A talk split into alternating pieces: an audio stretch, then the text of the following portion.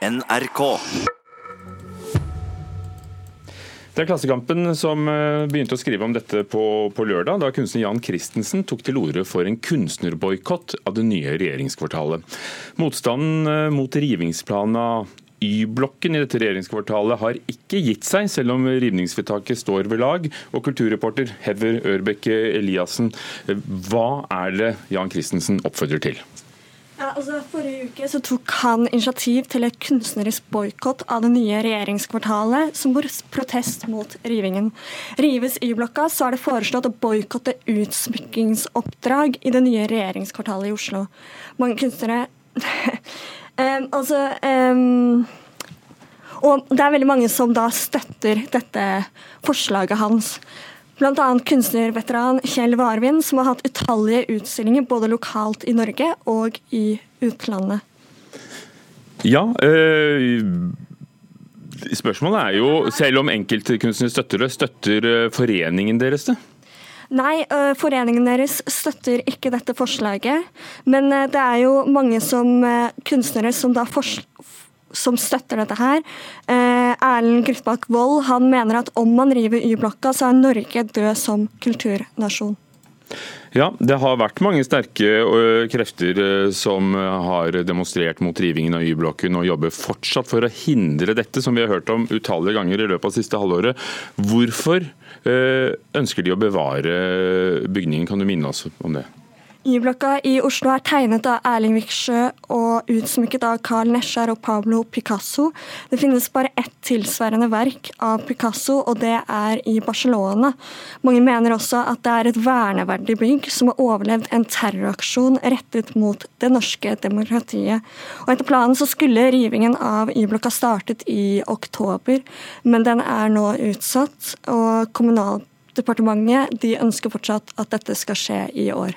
Og så kan jeg legge til at Kunstner Marianne Heske sier til Klassekampen i dag at det er spesielt å begrense spørsmålet om boikott til utsmykkingsoppdraget.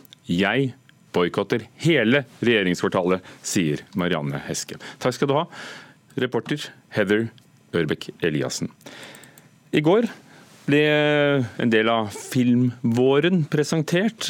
En hel oversikt over de norske filmene som kommer på kino denne våren. Fem av de tolv filmene er dokumentarfilmer.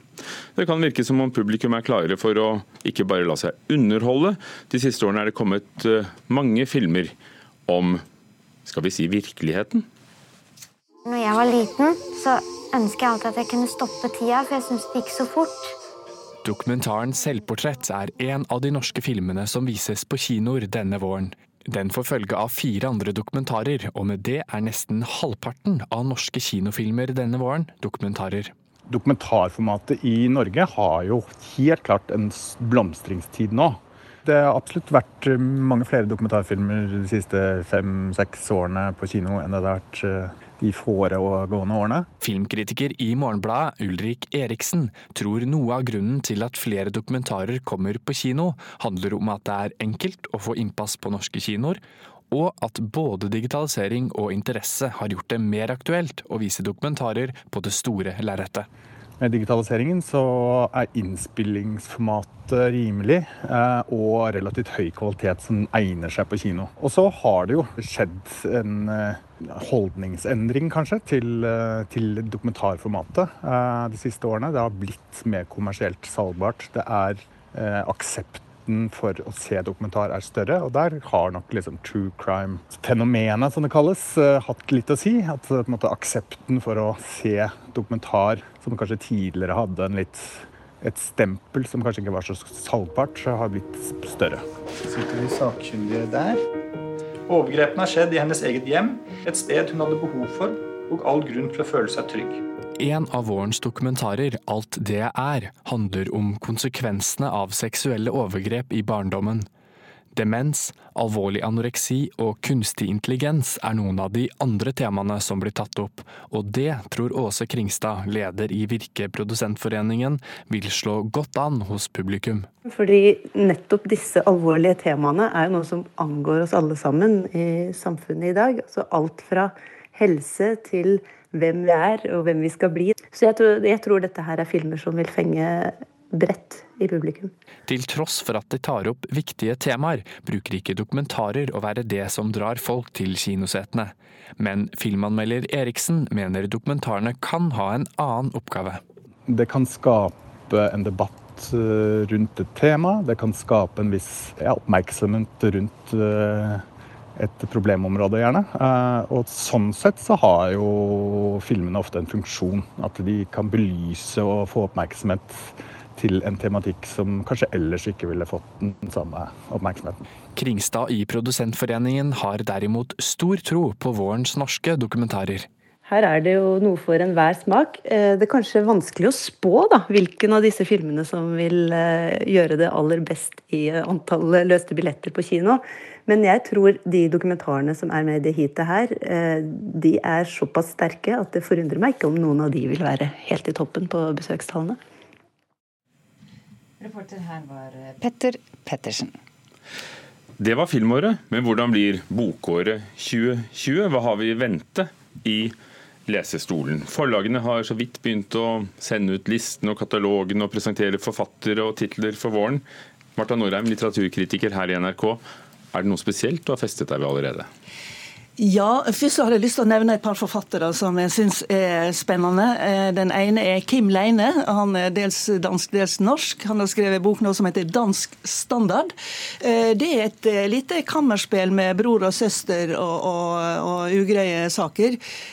Han er kanskje mest kjent for historiske romaner fra Grønland, der han maler med brei pensel, men nå altså kammerspill.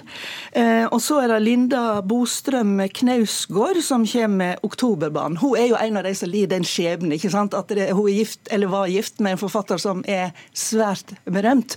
Eh, men hun er også en forfatter i egen kraft, og eh, nå skriver hun en bok eh, bygd på egne erfaringer fra psykiatrisk institusjon. Og det skal være et rasende oppgjør med psykiatrien, det forlaget sier. Dette er jo bøker som ikke er kommet, ikke sant? så her her, her eh, må jeg bare stole på andre. Det er altså Linda Brostrøm Knausgård, en Knausgård, men ikke den vi ofte har hørt om. Ser du noen lange linjer? Ja, altså Det jeg ser, er at eh, linja som for så vidt har vært en stund, nemlig med politiske romaner, den, eh, den går videre. Og Der har vi sånne som Anna Burns eh, med 'Melkemannen'. Den vant eh, Man Booker-prisen i 2018, for 2018.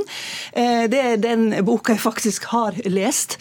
Nordirsk forfatter som skriver om The Troubles, altså den virkelig harde perioden i Nord-Irland, uten å nevne ordet Nord-Irland, IRA, katolisisme, protestantisme. Altså hun, hun skreller på en måte av alt, og så ser hun liksom hva er det som skjer i et samfunn som lever under sånne forhold.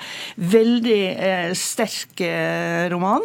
Eh, Ally Smith eh, en annen brite. Hun har eh, skrevet om livet i flyktningleirer i eh, England. Mens Gugi Wationgo han kommer en bok som heter 'Ikke gråt barnet mitt'. Den er fra 1964. Det er faktisk debuten hans. Kenyansk forfatter. Der han henter stoff ifra Mau Mau-opprøret på 50-tallet 60-tallet i eh, Kenya.